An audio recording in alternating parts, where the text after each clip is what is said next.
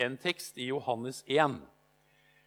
Og Det er en tekst jeg velger fordi det rett og slett handler om hvordan det hele starta. Hvordan var det Jesus fikk med seg de første disiplene? Helt sånn fra scratch. Hvordan fikk han de med seg? Hva var det som skjedde med de første disiplene? Og hvordan har det spredd seg siden? Vi skal eh, lese noen vers her fra Johannes 1, 35. Og så ber vi sammen når vi har lest den teksten. Dagen etter, en, altså Johannes 1,35, for dere som har Bibelen.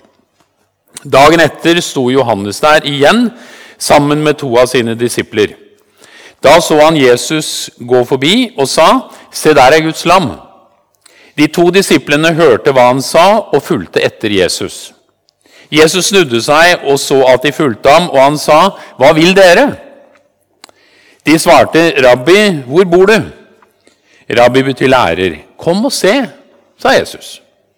De gikk da med han og så hvor han bodde, og de ble hos han den dagen. Det var omkring den tiende time. Andreas, Simon Peters bror, var en av de to som hadde hørt det Johannes sa, og som hadde fulgt etter Jesus. Han traff nå først sin bror Simon og sa til ham, 'Vi har funnet Messias.' Messias betyr den salvede. Så førte han Simon til Jesus. Jesus så på han og sa, 'Du er Simon, sønn av Johannes. Du skal hete Kefas.' Kefas er det samme som Peter. Dagen etter ville Jesus dra til Galilea. Da traff han Philip og sa til han, 'Følg meg.' Philip var fra Betsaida, den byen Peter og Andreas var fra. Philip traff Nathanael og sa til han, 'Vi har funnet han som Moses har skrevet om i loven, og som også profeten har skrevet om.' Det er Jesus fra Nasaret, Josefs sønn. Kan det komme noe godt fra Nasaret? sa Nathanael. Philip sa, 'Kom og se.' Og så stopper jeg der. Så kunne vi fortsatt. Og så haka det seg på én til og én til og én til og én til. Og det de fikk høre, disse nye folka som ble invitert til å være med på den der greia som var i ferd med å starte, det var ikke 'kom og hør', men 'kom og se'. Eh, la oss be sammen. Herre, jeg har lyst til å få takke deg for denne spede begynnelse som vi her leser om. Hvordan de første disiplene begynte å følge Jesus fordi du, Jesus, hadde noe å vise fram. Du hadde noe som var ekte, som var realt, som var helt, og som var troverdig. Og så sitter vi her, og vi er verken hele eller tvert igjennom troverdige. Vi har noe vi syns går veldig bra, og så har vi noe vi syns vi tøvler med og strever med. Og så vil vi gjerne være dine disipler i dag. Og Nå ber vi deg, Herre, at du eh, taler til oss gjennom denne teksten, sånn at vi kjenner, kjenner, at nå er vi 2000 år etter med på å fullføre det du satte i gang i det vi leste her. Derfor så ber jeg deg, Herre, vær god med oss. Møt oss, oppmuntre oss. Eh, vis oss en vei videre for våre liv og for dette fellesskapet. Det ber vi deg om i Jesu navn. Amen. Før jeg sier noe om dette, her, så har jeg bare lyst til å gjenfortelle denne teksten veldig kort. For det skjer jo mye her, og det er litt sånn forskjellige ting som er på gang. Og det er altså sånn at eh, Johannes, Døperen Johannes han hadde fått seg to disipler. Det var ikke noen svær disippelflokk, men det var to stykker han sto og prata med. Og Så kommer Jesus gående der borte, og så peker Johannes bort på Jesus og så sier han, til der er Guds lam. Og Det hadde han sagt dagen før også, i vers 29. Eh, og Da sa han, til der er Guds lam som bærer verdens synd. Og Da ble de to Johannes-disiplene såpass nysgjerrige at de bare forlot hele Johannes og så begynte de å følge etter Jesus. Og så har jeg tenkt meg at Hvis jeg skulle starte en bevegelse, og de to første begynner å følge meg, jeg aner at de kommer etter meg, da ville jeg tenkt, da ville jeg funnet på alt det flotte jeg kunne komme på å si. Da ville jeg si at dette skal bli bra greier, og det skal sikkert ikke bli altfor krevende. Og det er flott at dere vil være med. og Kom igjen, da, folkens. Nå skal, vi, nå skal vi skape noe bra. For liksom å inspirere de til å være med. Det Jesus gjør, når han snur seg, så ser han seg over skuldra og sier han, hva er det dere vil? Det er en måte å starte en bevegelse på det også. altså. Hva er det dere vil?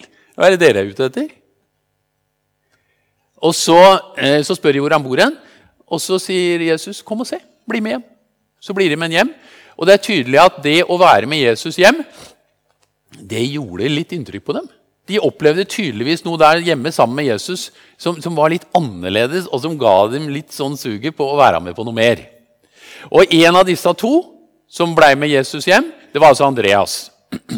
Og det var såpass bra, det Andreas opplevde, at istedenfor å holde dette for seg sjøl, så gikk han hjem og så fant han brutter'n. Eh, og så tok han med han fram til, til, Jesus, og det var jo Peter. da. Eh, og så ble de plutselig flere. Og så står Peter der rett foran Jesus, og så, og så sier eh, Jesus til han, eh, Du er Simon, sønn av Johannes, du skal hete Kefas. Og så Dagen etterpå så finner de Philip, og, og så finner de Nathanael.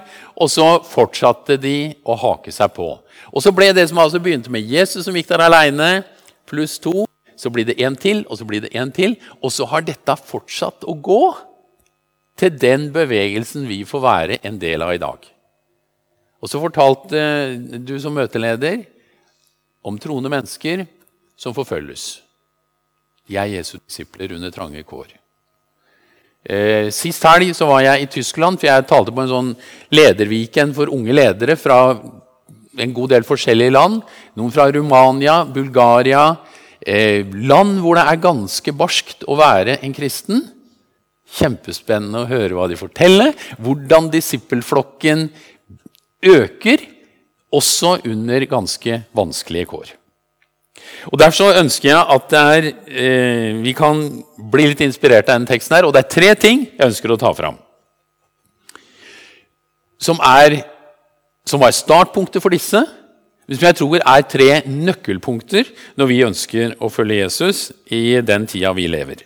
Og Det første punktet mitt det er at disippelliv handler om tilgivelse.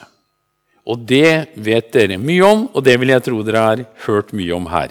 For det, det bildet Johannes skaper av Jesus, det er altså Han peker på han og sier Se der er Guds lam som bærer verdens synd. Det er dundrende umulig å få til noe som ligner på et disippelliv hvis vi ikke skjønner at det hele bygger på nåde, hele bygger på å få være tilgitt. Um, og Jeg har lyst til å bare fortelle litt kort om hvordan jeg har opplevd dette. her, for Jeg vokste opp i et kristent hjem, sånn som jeg regner med at mange av dere har gjort. Det var, mine foreldre var en del av Misjonssambandet på det stedet jeg bodde, i Østfold. Um, og jeg levde i dette her, tror jeg, på en eller annen måte.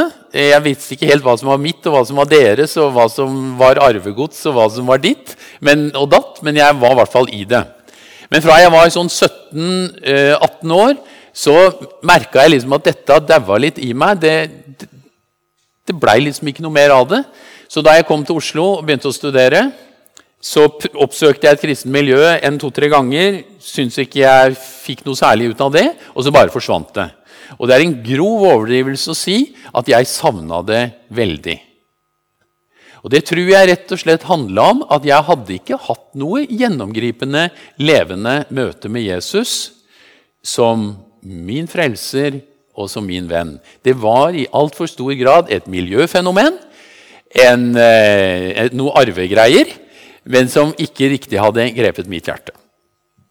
Så levde jeg da eh, i fire år eh, uten å ha noe kontakt med kristne miljøer. Og så etter eh, de fire åra omtrent så var vi ute for å feire en eksamen nede på en restaurant nede i Oslo.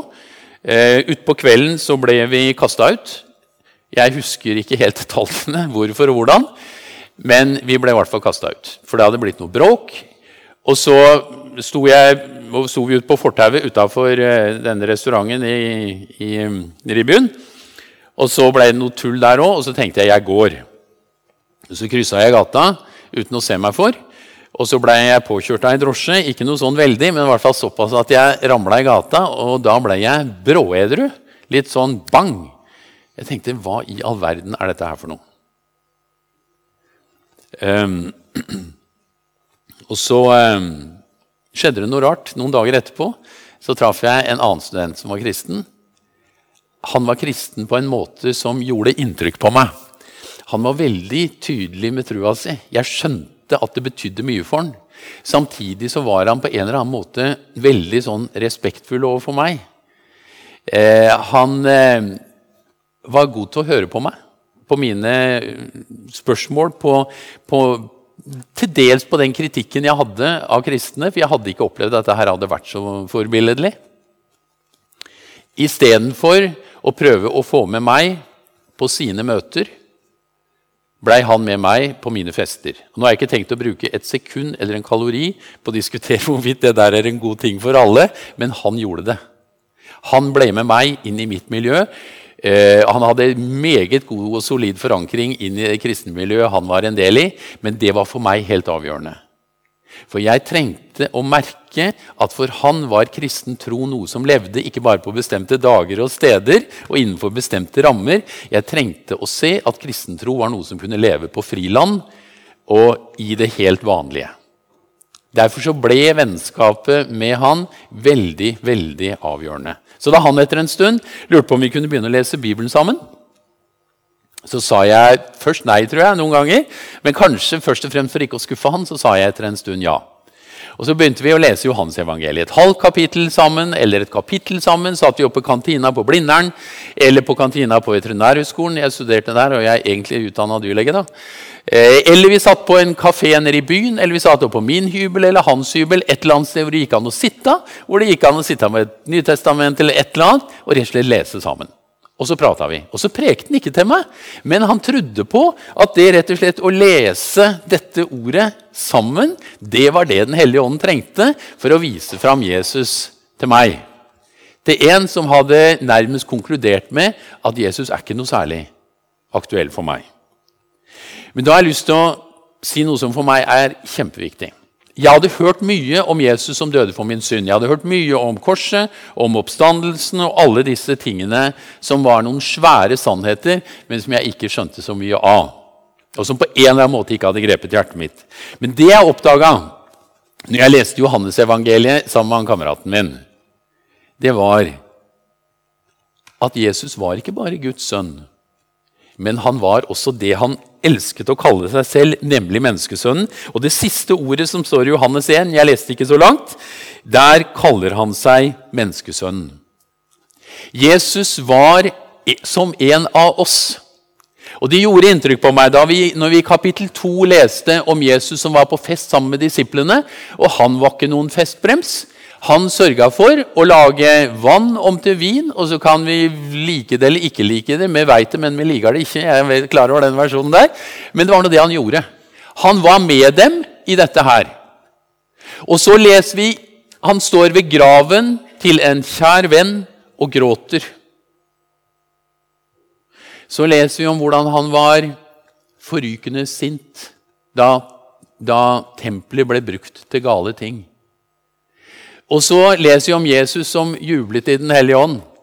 Og så leser vi om Jesus som tok seg av de fattige, de svake, de vanskeligstilte. En som var en real god venn. Og så leste jeg om Jesus som sovna i båten, for han var så sliten og trøtt. Og så leste jeg om Jesus som var sulten. Og så tegna det seg et bilde av meg, bilde av Jesus for meg, som var Jesus som menneskesønn, som var en som kom for å møte meg, se meg i alt mitt strev. Og Da begynte jeg å se helheten i det. Ja, det var når Jesus kom for å bli som en av oss, leve sammen med oss, vise omsorg og godhet og kjærlighet, menneskesønn.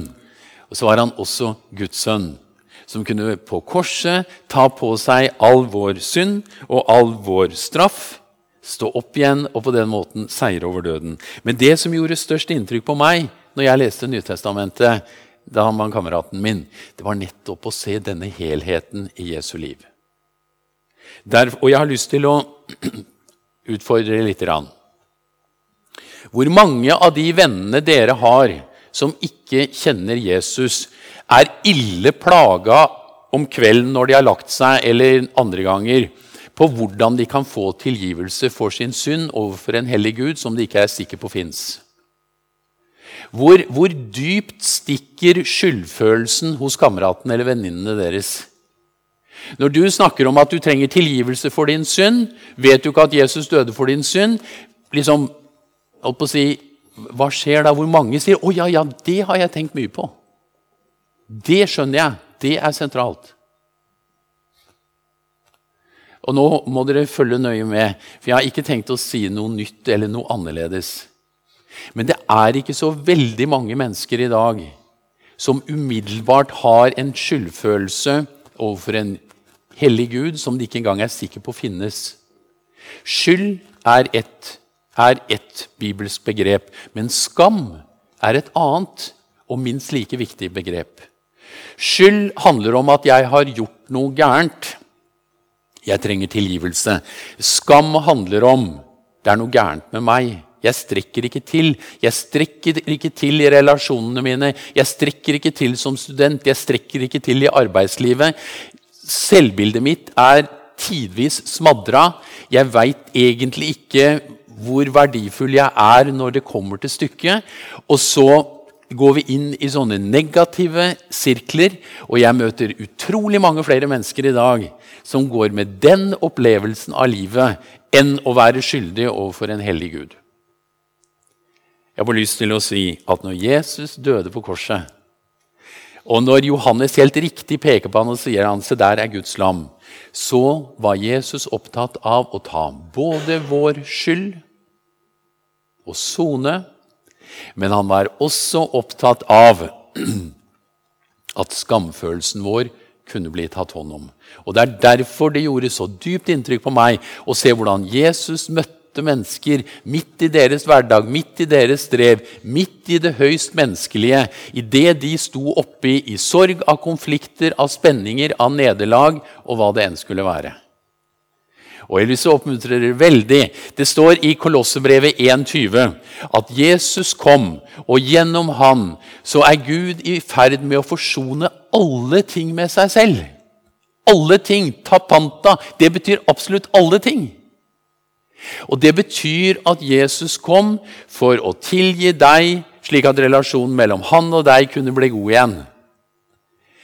Men i, ved korsets fot og ved den åpne gravens ytterpunkter så, er, så handler også Jesu gjerning om heling av, av ødelagte relasjoner. Det har et engasjement for den økologiske krisen vi står midt oppi. Dette er Guds skapte jord. Alt er Gud i ferd med å forsone med seg selv, og det er ingenting som er han uvedkommen. Derfor er det som skjedde på korset, noe som motiverer oss til å være dugelige samfunnsborgere, som engasjerer oss på samme måte som Jesus sier et glass vann til den tørste, klær til den nakne, mat til den sultne og besøk til de som er bura inn. Det var det første punktet, så jeg må gå videre nå. Men disippelliv i dag folkens, det tror jeg handler om å bli dypt grepet av de mange og svære konsekvensene av det Jesus gjorde for oss. Derfor kan vi være stolte av Jesus. Derfor kan vi være begeistra for det han gjorde. For det er ikke bare en sånn individuell greie mellom deg og Gud. Det er en horisontal greie som handler om hvordan evangeliet er her for å møte mennesker på alle livets dimensjoner. Forsone mennesker med Gud og med hverandre. Har hatt, vi har hatt over 20 000 ektepar på samlivskurs de siste åra. Og jeg har vært i noen situasjoner, og jeg har sett hvordan forsoning kan være med å bringe mennesker sammen igjen, tilgi hverandre og komme videre. En disippel er en som har skjønt dybden av hva Jesus gjorde for oss, både med vår skyld og med vår skam. Hvis dette hørtes vanskelig ut, så vil jeg gjerne snakke med dere mer om det etterpå. Men det handler om at evangeliet er svært. Det er omfattende. Det tar tak i hele livet vårt. Og det er dette han har planta deg inn i din venneflokk med. Det er dette han har planta deg inn på universitetet med, og det er dette han har planta deg med i den omgangskretsen og det naturlige nettverket du er en del av. Det andre jeg vil si noe om, men det får bli kortere, det er at disippelliv handler om vennskap. Vers 39, som jeg nevnte i stad, der eh, sier altså Jesus 'kom og se', og så ble de med han hjem. Og Jeg ønsker ikke å sette på en uheldig måte opp mot hverandre 'kom og se' og 'kom og hør'. Men jeg syns det er viktig at vi legger merke til det. Jesus inviterer dem til å se noe, til å oppleve noe, til å erfare noe.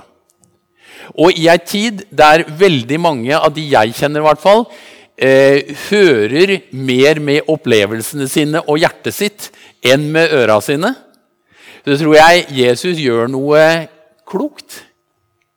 Han sier at kristentro sier han, det er noe ekte greier. Det er ikke bare en masse ord, men det er noe med substans i. Det har hold. Ehm, det handler ikke først og fremst om flere aktiviteter. Mange av de jeg kjenner, de er travle nok som de er. De, de har travelt nok som det er. Så hvis det å bli en kristen først og fremst handler om å bli med på flere ting og få enda flere ting som skal inn i hverdagen det vet jeg, sannelig, jeg husker en nabo som sa til meg en gang jeg har noen ganger tenkt på jeg, sånn, å bli en kristen, men når jeg ser hvor travel du er, så vet jeg ikke om jeg ville få tid til det. Ja, hva er det vi formidler? Er det at kristen tro er først og fremst sånn aktivitetsgreie med kjempemange ting som er å holde på hele tida? Eller er det en dyp erfaring av Jesus som venn? Ordet 'disippel' er brukt over 200 ganger i Nytestamentet. Vet dere hvor mange ganger Jesus brukte det? Tre-fire. De andre er, er, det andre som bruker dette. Men de ordene Jesus brukte, det var 'mine venner', 'brødre', 'søsken', 'mine små'. Han brukte familieord for å få fram at det han har med oss, det er en kjærlighetsrelasjon. Det er ikke en aktivitetsgreie først og fremst. I Johannes 15, 15 så sier Jesus jeg kaller dere ikke lenger tjenere, for tjeneren vet ikke hva hans herre gjør, men jeg kaller dere venner. For jeg har fortalt dere alt dere har hørt av min far. Det syns jeg er ganske riske greier. Johannes 15, da er vi ganske på oppløpssida. Jesus er helt i avslutningen av den tjenesten han har hatt sammen med disiplene sine. Og da ville jeg ha tenkt meg at det ville vært rimelig naturlig at han sagt og husk på det, folkens, nå er jeg snart borte, og da skal dere gjøre dette og dette og dette og dette. Han ga oss misjonsbefalingen, ja. Men hør hva han sier her i Johannes 15. Han sier jeg kaller dere ikke lenger tjenere for en tjener, tjener vet ikke hva hans herre gjør. Med andre ord, Da handler det om blind lydighet. Bare ordre som jeg skal utføre. Nei, sier han. Jeg kaller dere venner.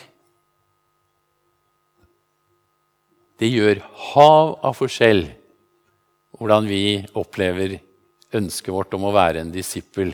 Hvis dette oss, for oss nå først og fremst har blitt en sak hvor det handler om alle de tingene vi skal gjøre. Mens Jesus inviterer oss til et vennskap. Jeg har vært gift sammen med Kari, gift med Kari nå i 36 år. Og én ting har jeg i hvert fall lært i løpet av disse 36 åra. Det blir ikke noe vennskap hvis vi ikke er sammen.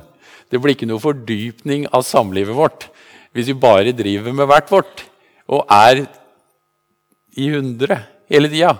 Vi er i hundre mye hele tida. Eh, men så trenger vi disse tidspunktene hvor vi kan ta vare på vennskapet, på kjærligheten, på gnisten, på hva det enn skulle være. Og så sier Jesus akkurat det samme.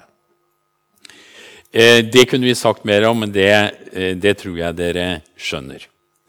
Det tredje og det siste punktet jeg vil dele noen tanker om, det er at disippelliv det handler om vekst og tjeneste.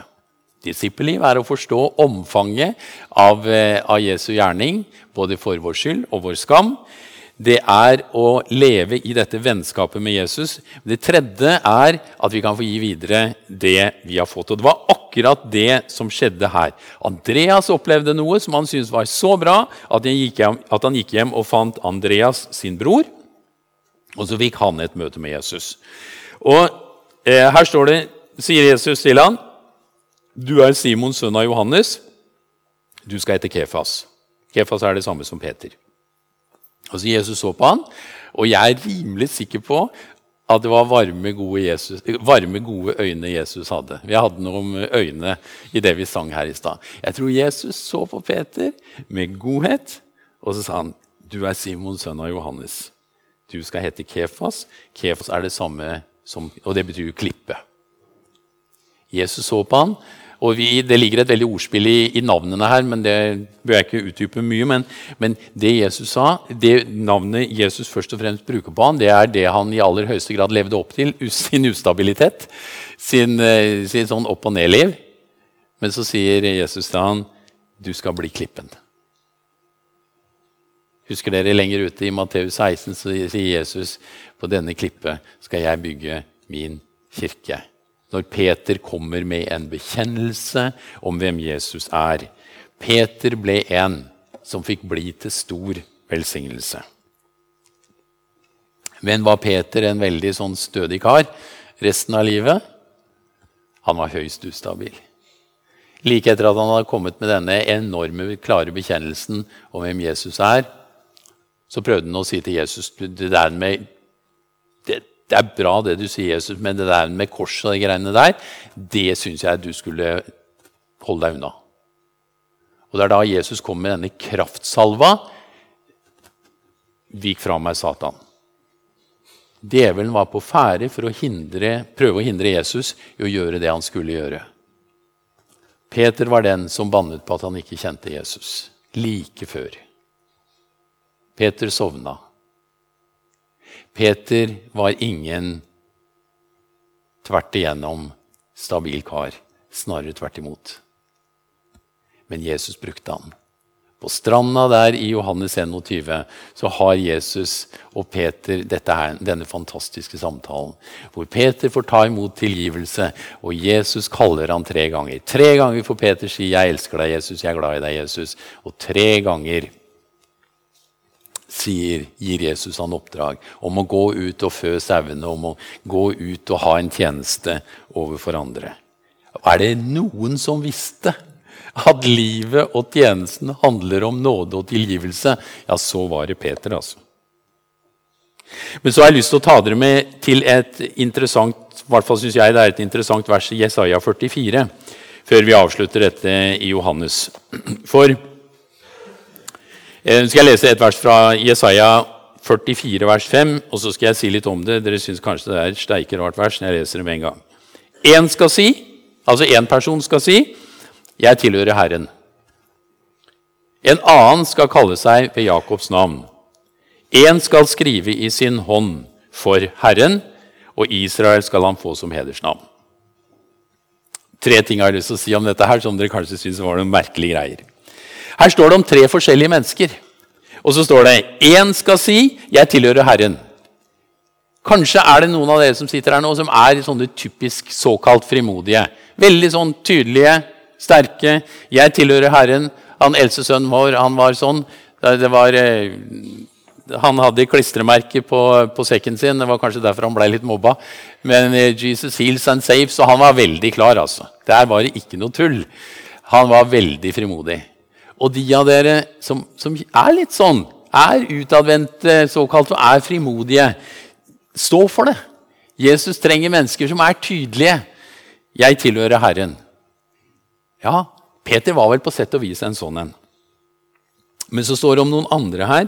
En annen skal kalle seg ved Jakobs navn. Husker dere Jakob i Gamle Testamentet? Han som lurte broren sin for førstefødselsretten, han som lurte faren sin og sa han egentlig var broren.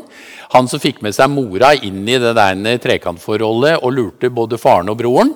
Det var han som måtte stikke av og stakk til onkelen sin Laban langt av gårde, for han var så redd for at Esau, broren hans, skulle ta knekken på han. Og mens han er hos eh, onkelen sin, så blir han søkkrik, delvis på bekostning av, eh, av onkelen sin. Og så flykter han fra onkelen, og så er han på vei tilbake igjen for å møte broren sin. Og gjett om han er nervøs for hva som venter han. Og så i første Mosebok 32. Og jeg har lyst til å si, er det én ting jeg skulle ønske å, lyst til å oppmuntre dere etter denne kvelden, hvis det er lenge siden dere har lest første Mosebok kapittel 32, så ikke la det gå lenge. For der møter vi Jakob, og nå er han nervøs. Og så er han for første gang i sitt liv helt desperat. Og sier han, 'Gud, jeg slipper deg ikke uten at du velsigner meg.' Og så er det sånn, sånn konkret beskrivelse av hvordan Gud kjemper med Jakob gjennom den natta der. Og så møter Gud han. Så rører Gud ved han. Og så gir Gud han et nytt navn og sier du skal hete Israel. Du har kjempa med Gud, og du har vunnet. Og idet han går derfra, så, så, står sola opp, og så skinner sola over livet hans. Og så går Jakob derfra som et merka menneske, som en oppreist kjeltring, som en lurendreier, som lurte alle og enhver, og til slutt seg sjøl. Han var absolutt ingen hel ved. Men så velsigne Gud han når han var desperat. Jeg har bare lyst til å spørre dere Har du vært desperat noen gang? Når du har kjent nå er det slutt på planken, nå har jeg lurt litt her, og så har jeg juksa litt der, og så er jeg sånn der, og så er det sånn der Eller det bare jeg kjenner at nå trenger jeg deg, Gud. Gjør som Jakob. Jeg holdt på å si bli desperat, for Gud er der. Han lengter etter å møte deg. Med de tingene i ditt liv som du kanskje syns er krevende. Og så fikk Jakob et nytt navn. Han ble Israel. Nå, Dette syns dere kanskje var en komplisert forklaring. Men derfor så syns jeg det er naturlig når en sier 'Jeg vil kalle meg med Jakobs navn'. Jeg kjenner meg mest igjen i Jakob, jeg vil noen si. For jeg er ikke så hel ved. Jeg strever litt i livet mitt, og jeg syns ikke det er så enkelt. Jeg kjenner meg i denne Jakob, jeg. Før han ble Israel. Vet dere hva? Flere steder i Gamle Testamentet så kaller Gud seg Jakobs Gud. Han kunne ha kalt seg Israels Gud, men han kaller seg Jakobs Gud. Og det syns jeg er drivende bra. Gud er Gud for de av oss som strever. Gud er Gud for de av oss som ikke syns livet er lett i det hele tatt. Gud er din Gud, du som syns at du er høyst underveis. Noen av oss vil kalle oss ved Jakobs navn. Og Da har jeg bare lyst til å si til deg Gud er nær deg. Og så har jeg lært én ting opp igjennom. Noen av de som kjemper mest som Jakob, de får ofte venner som også kjemper. Venner som du kan være med og vise Jesus midt i det som du syns er ganske krevende. Og så den tredje. En skal si 'jeg tilhører Herren'. En annen skal kalle seg ved Jakobs navn, altså de av som syns at livet er strevsomt og krevende, også troen. Og så står det de siste 'én skal skrive i sin hånd for Herren'. Og Det syns jeg er litt stilig. da. Her er det, De sier denne personlighetstypen eh, tilhører Herren og er veldig klar på det, men er så unnselig at den skriver liksom inni hånda si. 'Jeg tilhører Herren'. Det er så smått. altså. Det er sånn firepunkt kursivskrift inni hånda. For at ingen skal se det, eller ingen skal høre det. Noen av oss er ganske unnselige med trua vår. Vi famler etter ord, og vi veit ikke hva vi skal si. Veit du hva jeg har lært opp igjennom? At de som ofte er litt forsiktige som personlighetstyper, er såkalt lite frimodige. Det er noen av de som når lengst med evangeliet til vennene sine. For de som skriver inni hånda, det syns ofte på baksida. På utsida av hånda. En som jeg har vært medvandrer for og fulgt fra han var en kul på sin mors mage, han har strevd mye med trua si. Så spiller han fotball på høyt nivå. Så fikk, han, så fikk de ny trener etter fotballaget. Og Så kom eh, treneren bort til ham etter en tre-fire ganger. Og så så han på denne karen, og så sa han la oss si han het Per. han gjør ikke det, Så sa han Per, er du en kristen? Ja, sa Per. Hvorfor spør du om det? For han tenker jo så lavt om trua si. Han er en som knapt har skrevet inn i hånda si. I hvert fall er han mer sånn Jakob. Han har strevd med det meste. Og så sa treneren skjønner det, sånn, jeg har lagt merke til at du er den eneste på dette laget som ikke prater dritt om de andre når de ikke er til stede. Du sprer trygghet. Det er noe godhet ved det. Å ja, sa Per. Og så kjente han en bekreftelse. Han fikk være, han var et vitne om Jesus med sin famlende jakobstro eller små skrift inni hånda. Han fikk bety noe for mennesker rundt seg, og han har fått lede noen mennesker til tro midt i det som er hans unnselige tro. Noen av dere kjenner dere igjen i disse. Og så kommer det, og nå skal vi gå inn for landing. I versene etter så står det om alle disse tre. Dere er mine vitner. Disippelliv, folkens. Og det er det som er viktigere og viktigere for meg. Disippelliv vil aldri bli slitesterkt hvis vi prøver å være noen andre enn de Gud har skapt oss til å være. Hvis den troen du å si, forsøker å formidle til andre, det ikke er dekning for den inni deg, så blir dette kunstige greier. Er du av de frimodige, så fortsett å være det. Vær tydelig. Er du av de som strever, så ikke gi opp, men vær desperat som Jakob var da og si Gud, jeg slipper deg ikke uten forlater deg. Men husk på, Gud er din Gud mens du står midt oppi det. Du, han er eh, Jakobs Gud, og salig er de, står i salmene, som har Jakobs Gud til sin far. Og er du av de som strever med ord, ikke vær for opptatt av ordene. Mennesker ser livet ditt i alle fall. Og du er med, du som alle andre, til å formidle dette til mennesker rundt deg. Disippelliv handler om tilgivelse. Disippelliv handler om vennskap. Disippelliv handler om å få være de Gud har skapt oss til å være. Uansett personlighetstype så kaller han oss til å få være hans venner og disipler midt i den omgangskretsen vi er. Og I denne sammenhengen har vi tidligere i dag snakket mye om viktigheten å ikke bare tilhøre et storfellesskap, sånn som dere gjør her nå. Ikke engang bare å være med i ei lita gruppe, men rett og slett å ha en kamerat eller ei venninne som er en så god venn på tomannshånd at dere kan dele gleder, Eh, strev, oppmuntringer, drømmer, fristelser, hva det skulle være. Dele tro og liv med hverandre på tomannshånd på en dønn ærlig måte. Det å kunne få lese i ordet sammen, oppmuntre hverandre, prate ut fra det, be for hverandre.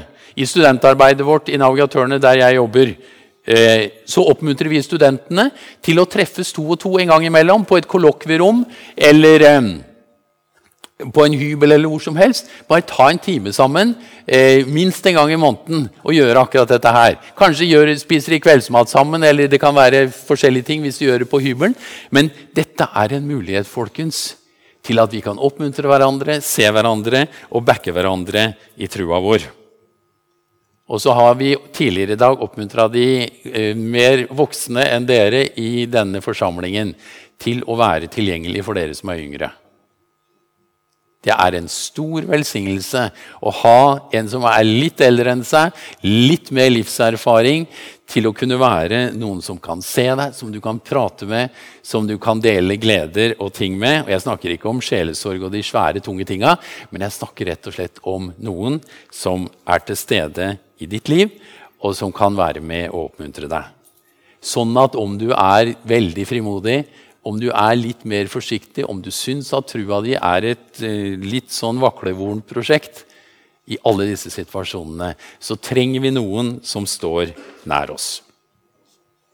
Derfor ønsket jeg bare å bruke denne teksten til å oppmuntre deg til å se nå er du en av de som har haket seg på denne bevegelsen som startet for 2000 år siden.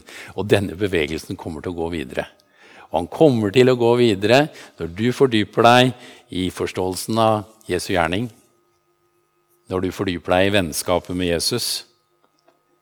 Og når du får være den du er, men tar imot den hjelpa du kan få gjennom enkeltmennesker som du kan stå sammen med i liv og tjeneste. La oss be. Kjære Jesus, jeg har lyst til å få takke deg for det vi ser i dette avsnittet vi leste. Takk, Jesus, fordi du er ute etter venner. Du er ute etter mennesker som eh, du kan gjøre noe godt for. Og så ser du vi sitter her, noen er frimodige og utadvendte og syns at ting går greit. Så er det andre som kanskje på utsida, i hvert fall nå og da, gir inntrykk av at dette er lett match og dette går greit. Og så kjenner vi det på innsida av oss at dette er ikke så greit i alle fall.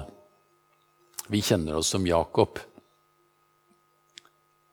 Og jeg har lyst til å få takke deg, Herre, fordi du er på en, holdt på å si, på en helt spesiell måte deres Gud. du er til for å møte oss der vi er i livet vårt. Og så ser du de av oss som kanskje har det rimelig greit, men kjenner oss ganske unnselige og veit ikke helt åssen vi skal si ting, eller hva det enn er.